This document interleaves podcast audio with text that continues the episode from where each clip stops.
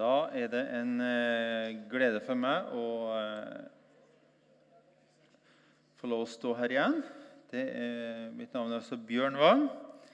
Jeg jobber her på huset. Det er eh, Vi har jo skifta navn på den delen av akta som var akta 2 og 3 og 4 og sånn. Vi kaller IMI Institutt for teologi, misjon og ledelse. og det steller jeg med til daglig. Eh, det, vi, det, som er temaet i dag, er når, eh, når, når, du har alle odds imot deg Ja, hva, hva, gjør du da? Serien er altså 'Til alle tider', og det er når, når livet går oss imot, eller når vi har liten sjanse eh, menneskelig talt til å lykkes med det som eh, vi kjenner vi skal, og Gud har kalt oss til. Eh, og så er det da eh, bare sånn innledningsvis Mot alle odds så har vi da ca. 60 stykker i Kambodsja nå på team. Eh, de er flesteparten herfra, litt fra andre menigheter og, og Nordmisjon rundt omkring. Og det vi også hører eh, via våre folk, det at det, i dag De er jo litt før oss. I dag så har flere hundre signa opp på at jeg vil følge Jesus. Det er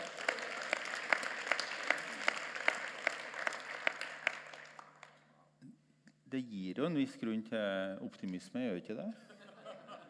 Hvis jeg skal være helt sånn nøktern. Vi skal, vi skal, be til Jesus. Kjære Jesus, jeg takker deg for at du er god, og at din nåde og din miskunn den varer til evig tid. Jeg takker deg at eh, dine tanker er høyere enn våre tanker, og dine veier er høyere enn våre veier. Jeg tenker at eh, eh, der vi ser glasset halvtomt, så ser du det halvfullt. Jeg takker at eh, du konstant er ute etter, og du ser mulighetene. Eh, hjelp også å, å, se sammen med deg. Hjelp oss å se ting, hjelp oss å se livet fra ditt perspektiv. Og gi oss mot til å handle på det som eh, vi kjenner er rett. Uansett hva omstendighetene sier til oss. I Jesu navn. Amen.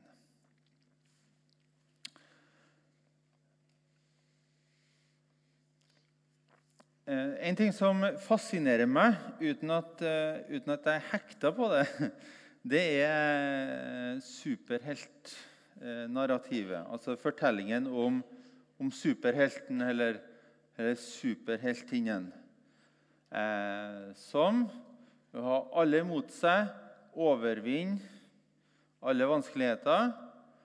og til slutt så kommer det gode ekte fram. Det, det er en fortelling egentlig som går igjen i eh, utrolig mange filmer, fortellinger, historier, og det er noe som appellerer til oss.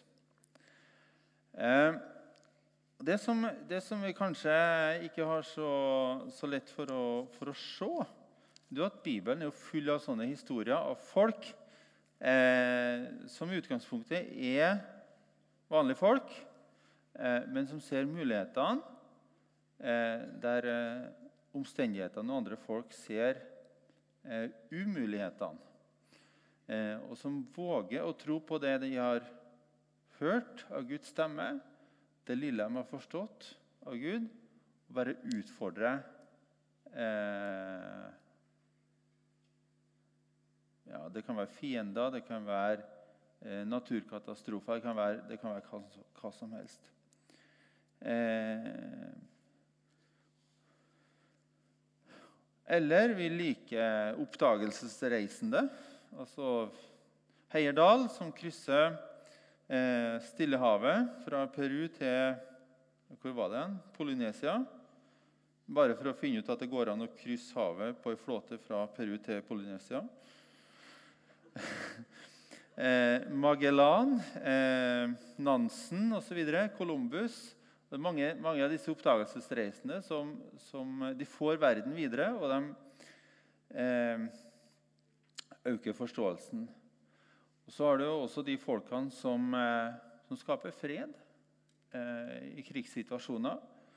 Eh, som bringer håp til tusener, sånn som mor Teresa og, og andre som, som eh, virkelig fortjener eh, Nobels fredspris. Eh,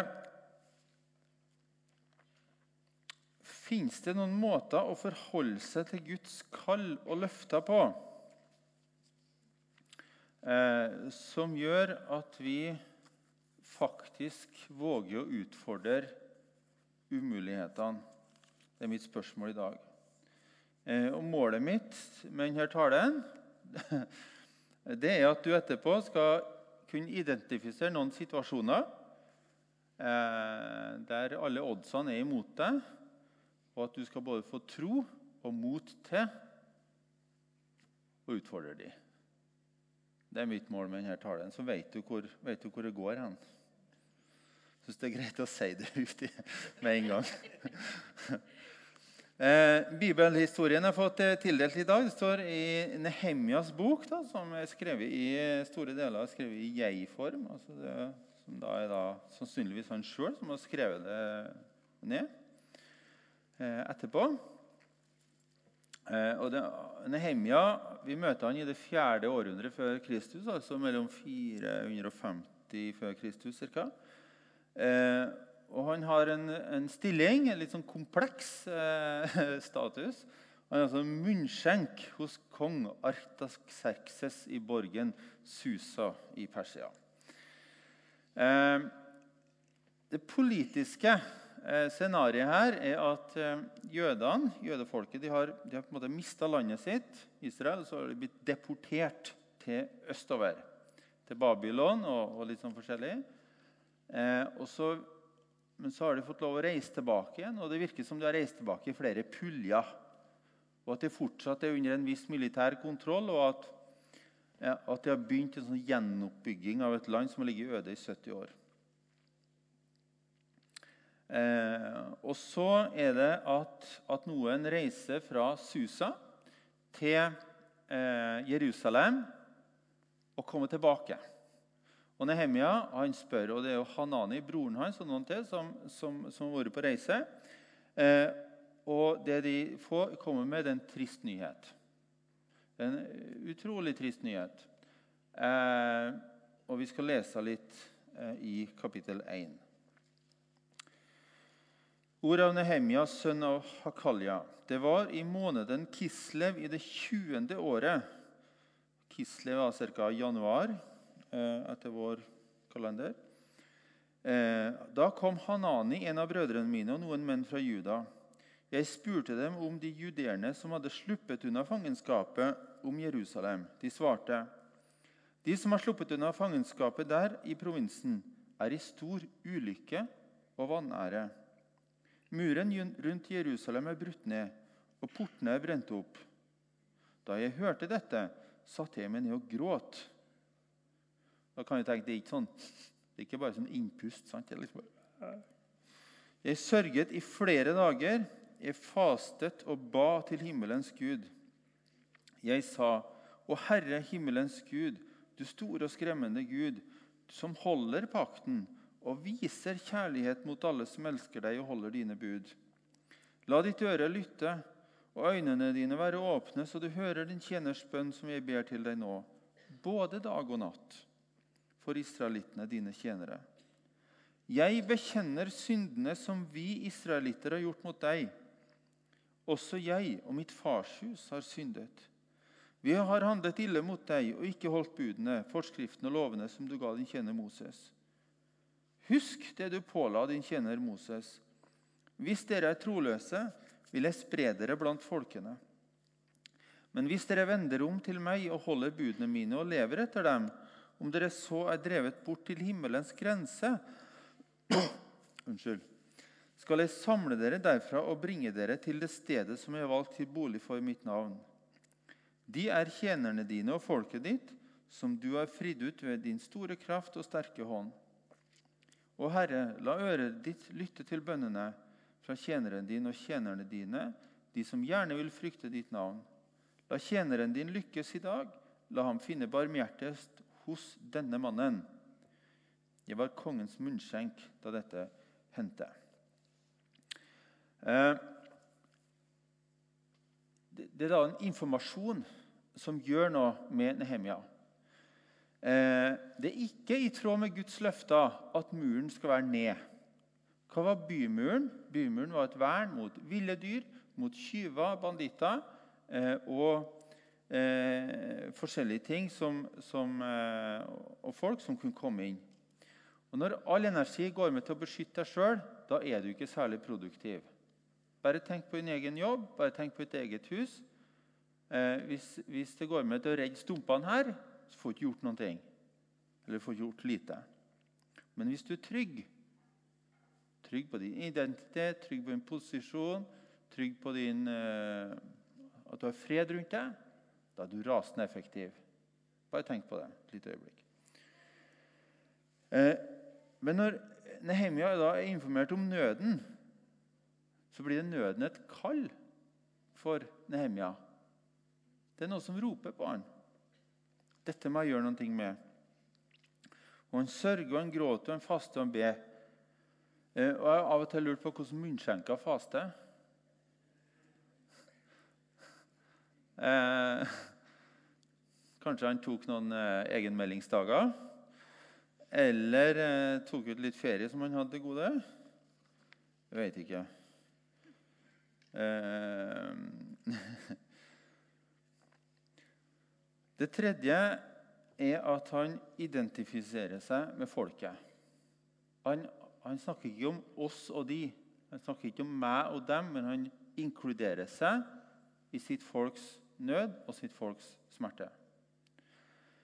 Eh, han kunne ha valgt å leve trygt på, i borgen Susa sammen med, med, med, med, kongen, i den grad du kan kalle munnskjenkerjobben trygg. Eh, altså munn, Munnskjenkeren var jo den som skulle ta gifta hvis, eh, hvis noen prøvde å forgifte kongen. Eh, så skulle, skulle, liksom OK, hvis du overlever, så, så, så spiser jeg òg. Så Sånn sett så var det jo en, en høyrisikojobb han, han hadde. Eh, men likevel Det virker nok kanskje som at kongen sitt lunefulle humør var en større trussel for Nehemia enn eventuelle giftmordere. Eh, men han identifiserer seg altså med folket i den grad at han bekjenner folket sin synd som sin. Eh, og Her er et viktig aspekt for dere som, eh, dere som er forbedere. Eller dere som gjerne vil være det. det. Dette er bibelsk forbønn. Dette er bibelsk intercession. At du stiller deg mellom Gud og den du ber for. Du identifiserer deg sånn at du føler, sånn at du angrer, bekjenner synder som de. Ik ikke berg de, frels de. Nehemia blir knust, eller sønderknust, i forbønn for sitt folk. Eh, og bare en liten parentes her. Altså, når, når følte du sist smerten til den du ba for? Eh, jeg sier ikke at det er et sånt triks for å få bønnesvar, for jeg, tror ikke på sånne lettvinte triks. Eh, men det er noe med det å gå med folkene inn i smerten. Det å være der det å kjenne, det å dele byrden. Det å vente sammen med den som har det vondt. Kjenne at Eller lytte sammen til hva slags svar gir Gud her. Hva slags ord, hva slags løfter gjelder i denne situasjonen. Og så bring det inn. Jeg tror at vi altfor ofte er bare sånn Jeg ber for den og den og den og den og den. Amen. Det, er fint, det, altså, men, men uh, Nehemja og, og, det går faktisk seks måneder fra han begynner å be for folket, til han gjør noen ting. Det står her. Eller det står navnet på månedene. Det er seks. Det er halvt år imellom. Eh, og så ber han til slutt om å få kongens gunst. Altså at kongen skal være barmhjertig, altså Gud når jeg skal møte kongen. For jeg, for jeg må, Hvis jeg skal få gjort noe med det som er kallet mitt, så må jeg få fri. Og helst må jeg ha med meg litt eh, for å bygge opp muren. Litt folk og litt penger. Eh, så jeg ber om gunst. Ja. Vi skal forlate Nehemia en liten stund eh, og identifisere noen eh, situasjoner som er mot alle odds, som vi kan kanskje kjenne oss igjen i. Eh, jeg var i går på kino da, med min yngste sønn og en til. Da så vi Madagaskar-pingvinene 4. Og Det er da en superheltgruppe bestående av fire pingviner. Eh, og I løpet av den filmen så kom de opp i mange umulige situasjoner. Og Så hadde de hver sine roller i den superheltgruppa. En han var hjernen. Han var den som er kuleramma. Bare regna ut ting. Ja, det er 95% sjanse for å mislykkes. Altså, de fleste oddsene var imot. Så sier han læreren ja, men hva er det i de 5% som gjør at vi kan vinne, da? altså, eh, De 5% for å vinne var nok til å ta sjansen. Eh, og det er jo gjerne det det er. Der håpet altså, altså, Det skal bare strime av håp til. Det skal bare strime av lys. Ja, men det holder jeg fast på. Jeg syns det var en kjempeartig film. Uh,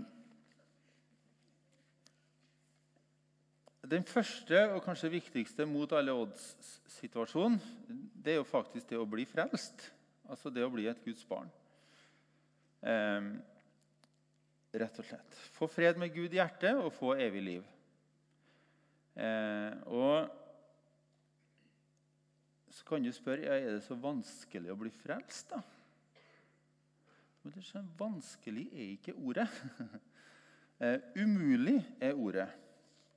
Eh, Jesus han sier det rett ut i, eh, i se, Matteus 19. Matteus 19, 23.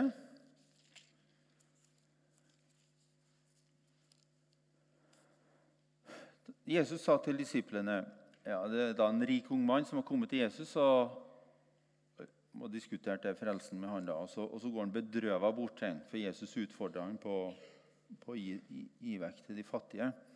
Og så sier, eh, sier Jesus til disiplene.: Sannelig, jeg sier dere, eh, det er vanskelig for en som er rik, å komme inn i himmelriket. Ja, jeg sier dere, det er lettere for en kamel å gå gjennom et nåløye enn for en rik å komme inn i Guds rike. Da disiplene hørte dette, ble de helt forskrekket og spurte, 'Hvem kan da bli frelst?' Jesus så på dem og sa, for mennesker er dette umulig, men for Gud er alt mulig. Eh, og Det mot, altså det å bli frelst det er mot alle odds. Eh, faktisk. Eh, det er Gud som gjør 100% sånn at vi kan gi oss sjøl 100% til Han som en respons på det. Eh,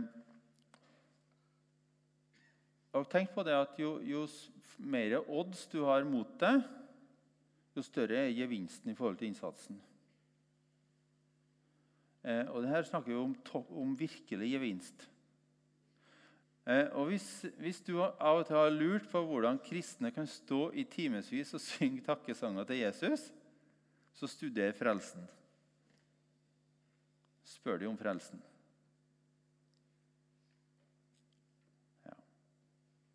Det er ikke en gave som gjelder til alle tider. Det er en gave som gjelder i alle evigheter. Nå har jeg tatt den verste. Jeg har noen flere. Vi kan ta noen personlige utfordringer. Og Her er det kanskje like mange utfordringer som det, som det er folk eh, som hører på. Jeg vet ikke hva som er din smerte eller din mot alle odds-utfordring, men eh, det kan gjelde sykdom, det kan gjelde et ufrelst barn, det kan gjelde arbeidsledighet, det kan gjelde usunne relasjoner eh, og liksom mange ting. Eller er det mer på det som ligger foran? Drømmer, kall, Guds vilje, Guds løfter osv. Som noe som er liksom Ja, Gud, skal jeg det, så, så vet ikke jeg, for det er liksom så wacky. Det er liksom så way out. Så har vi noen sosiale utfordringer. Eh, vi hører om det til stadighet i nyhetene. Klima, fattigdom, nord-sør, asyl og flyktningeproblematikken, for å nevne noen ting. Og det er litt interessant, for Denne uka her har det pågått i media en debatt om hvorvidt biskoper skal uttale seg om politikk. Eh, hvor mange som har fått med seg at det er en debatt om det?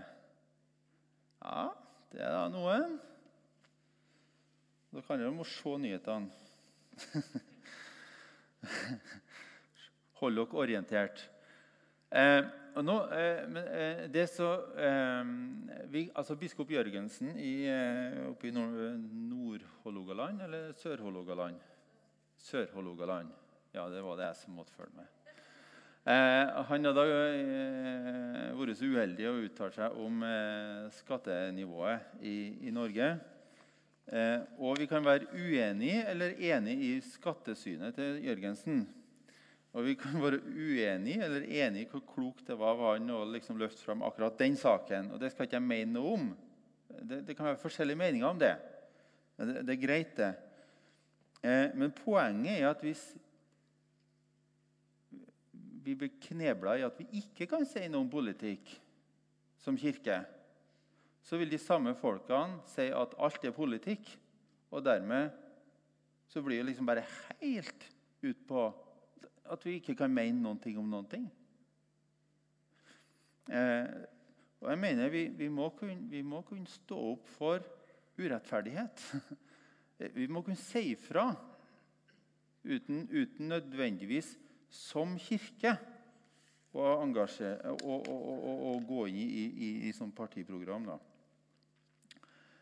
Eh, når folk lider, når murene ligger i ruiner i overført betydning, skal vi ikke da reise oss?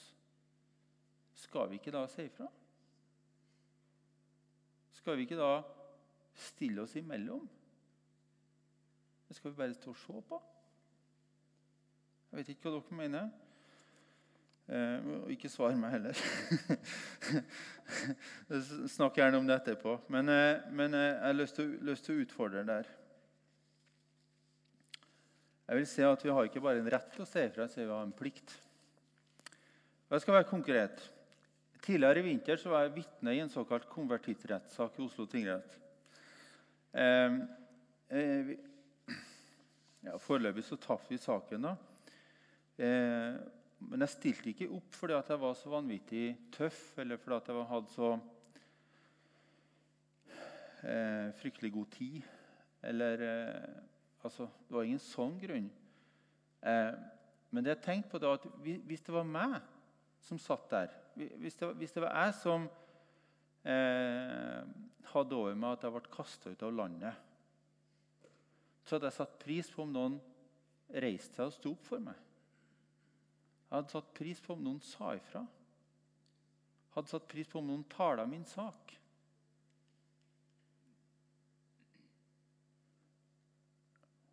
Ja.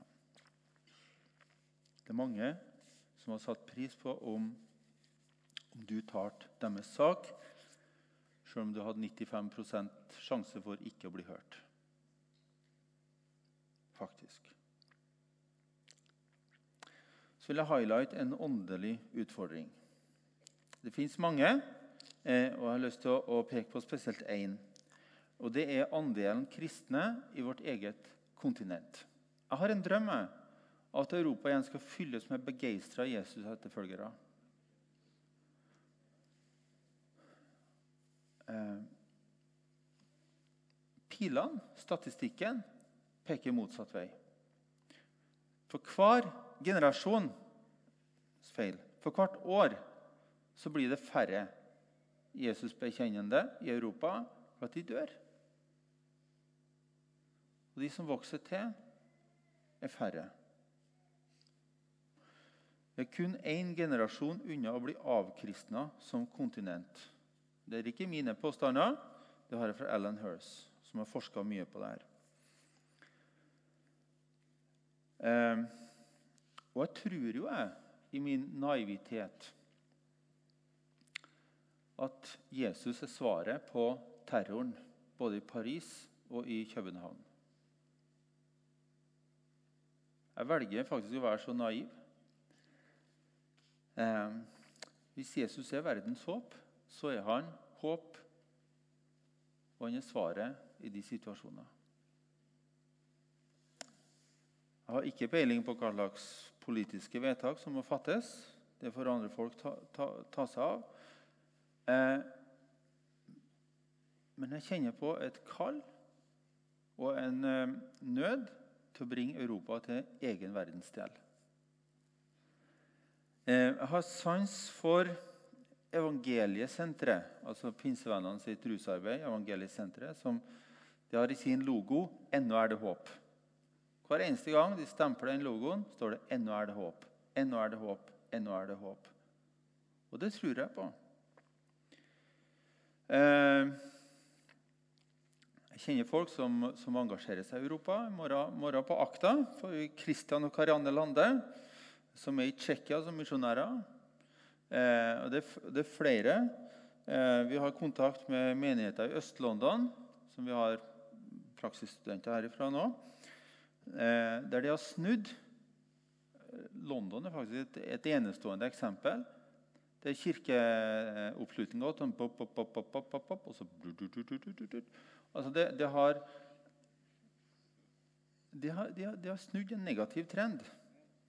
Eh, og det, det, er sånne lyspunkt. Eh, i, men i Asia, i Europa og i Sør-Amerika så, så, blir det jo flere og flere kristne for hvert år. Eh, vi var på en tur nå, familien vår, til, til Bolivia. Etter, vi var der som misjonærer fra, fra, fram til år 2004. Og I fjor så tok vi oss en, en tur. Og Den ene menigheten som, eh, som, var en sånn vennskapsmenighet til oss, det var en baptistkirke. Eh, og de, når vi bodde der, så var det 600 medlemmer. Eh, og oppsøkte de og, og, og så. Og, eh, nå var det i hvert fall 16 000 medlemmer. Ja. Ja. Eh, det var veldig interessant å se på når de har nattvær. Hvordan, hvordan betjener du nattvær? Til, det var veldig bra organisert. Jeg forsto ikke ikke at det var, sånn, var ca. ti meter langt nattverdbord med sånne eh, ting som skulle ut. Det var enormt. Eh, og vi, og vi, hører om rapportene fra Kambodsja. Eh, men de, de, virkelig store det er jo da Kina og India, som på en generasjon Det, det er eksponentiell. Så det er X i andre. Eh, og ikke sikkert dere vet det, men i Midtøsten, altså land som Afghanistan og Iran, under forfølgelse, under fengsel 15-20% vekst kristne. Altså det, det, er helt enormt, det som skjer. Og jeg har en nød Det er her murene ligger nede, faktisk. I vår egen, vårt eget, vårt eget kontinent. Og Jeg har bare lyst til å legge det innover dere som hører på. Eh, og det vi trenger, det er altså en, en hær av misjonærer som reiser for å gå. Og, det, og, jeg, og jeg har lyst til å utfordre dere. Ta, ta, et semester, ta et studium på et europeisk universitet. Lånekassen finansierer hele misjonærtilværelsen. Få deg en jobb eh, i, i, i, et land som er helt avkristna. En plass som er helt avkristna. Altså, eh, William Carey, den moderne misjonsbevegelsens far, han sa for å nå verden så trenger vi en åpen bibel og et åpent kart.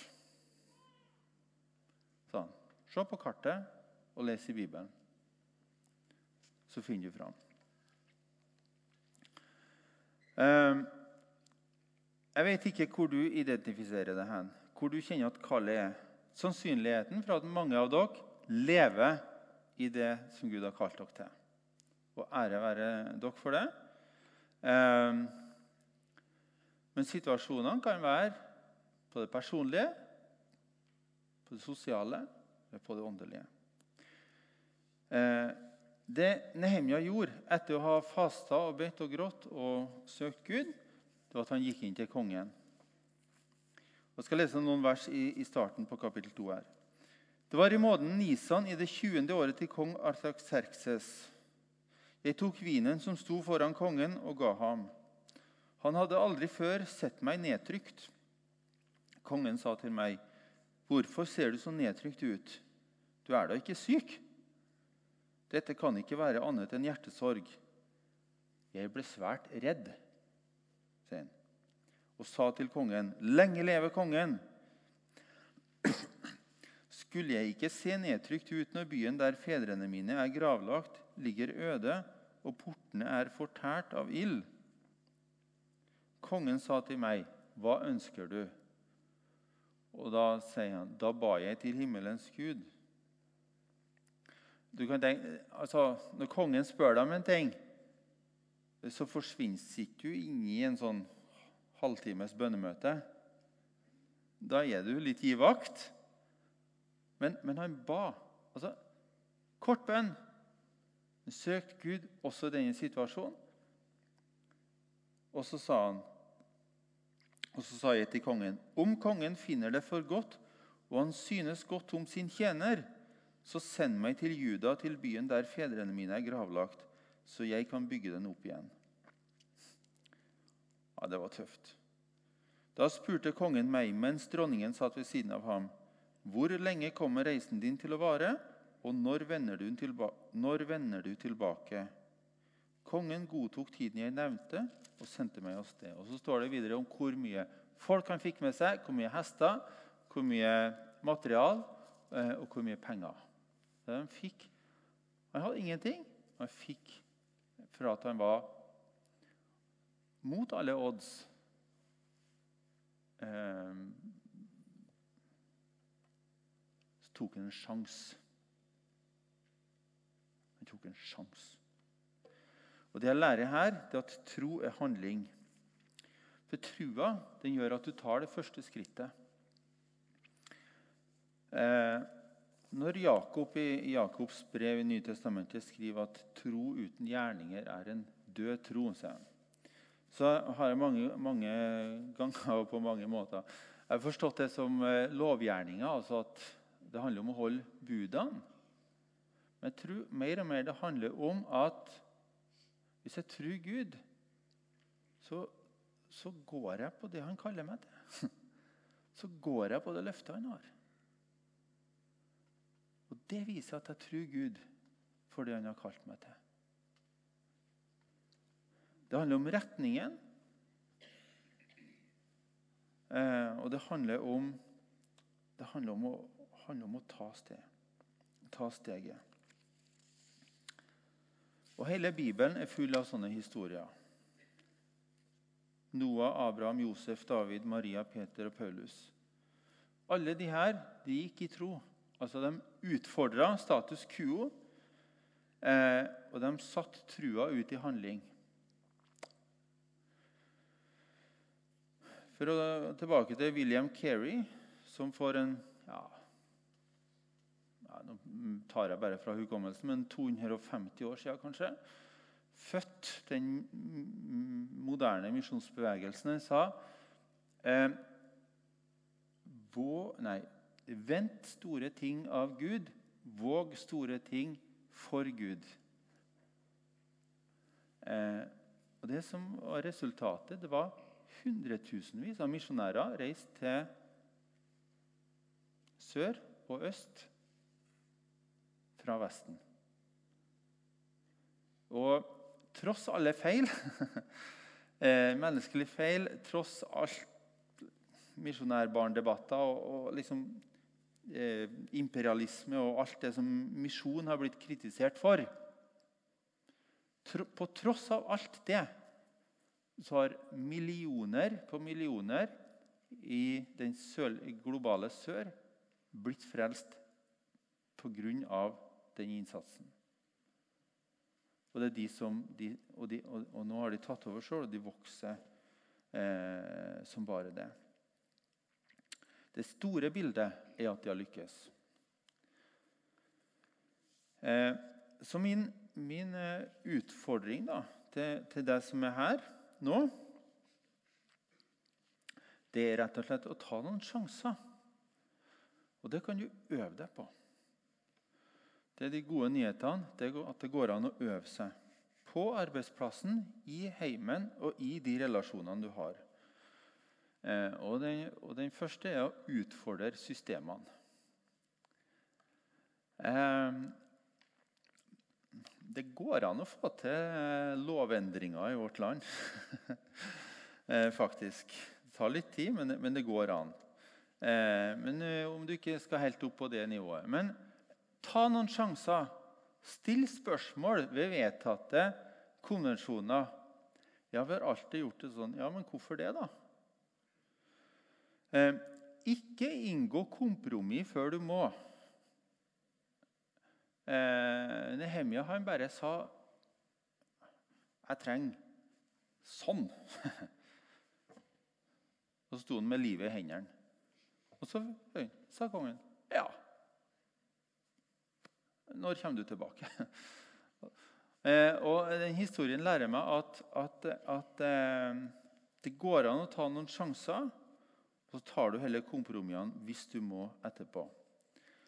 Eh, og det tredje er gjør noe som innebærer en risiko for at noen misliker det. Eh, hvis du skal gjøre alle til laks, så er du ingen til laks. Eh, men det handler om å være trofast imot det som du opplever Gud har satt deg inn i, og Gud har kalt deg til. For du er kalt til noe større enn det som du klarer sjøl ved å ta deg sammen litt. Det var en som sa det sånn. Han var ikke redd for å mislykkes, men han var redd for å lykkes med feil ting. Han var redd for å lykkes med det som ikke betydde noe i det lange løp. Men du er kalt til å lykkes, og du er kalt til å lykkes med store ting, men ikke alene. Albert Einstein han sa Eh, nå kommer du på engelsk først. da. We cannot solve our problems with the same thinking we used when we created them. Ja, nå, nå, snakker jeg da på verdens mest uh, brukte språk, som er bad English.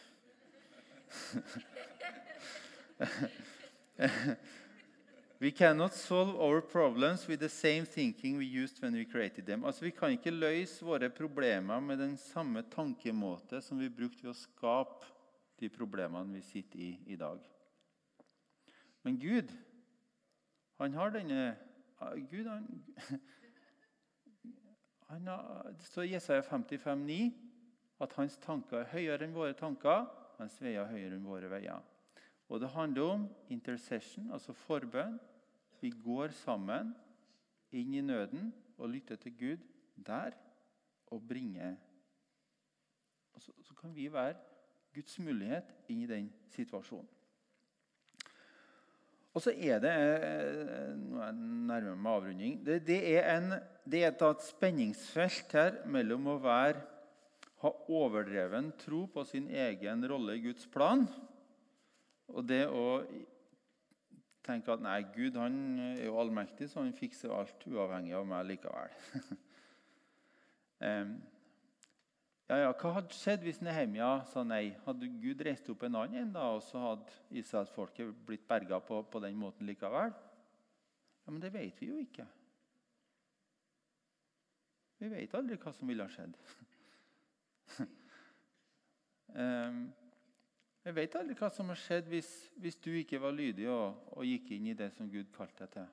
Ja, kanskje hadde Gud sendt noe nærmere, kanskje ikke. Altså, Vi vet ikke. Og det er på en måte, altså Vi kan ikke sette opp et sånn eh, Det blir en sånn umulig tankegang. Men, men, vårt ansvar er å respondere på det som er Guds tiltale til oss. da. Neil Cole, som er, nok den som har planta flest husmenigheter i California eh, ever, tror jeg. Neil Cole. Eh, han sa det han, eh, Svaret på alt. Han har svaret på alt. Hør på Jesus og gjør som han sier. Hør på Jesus og gjør som han sier. Quite enkelt.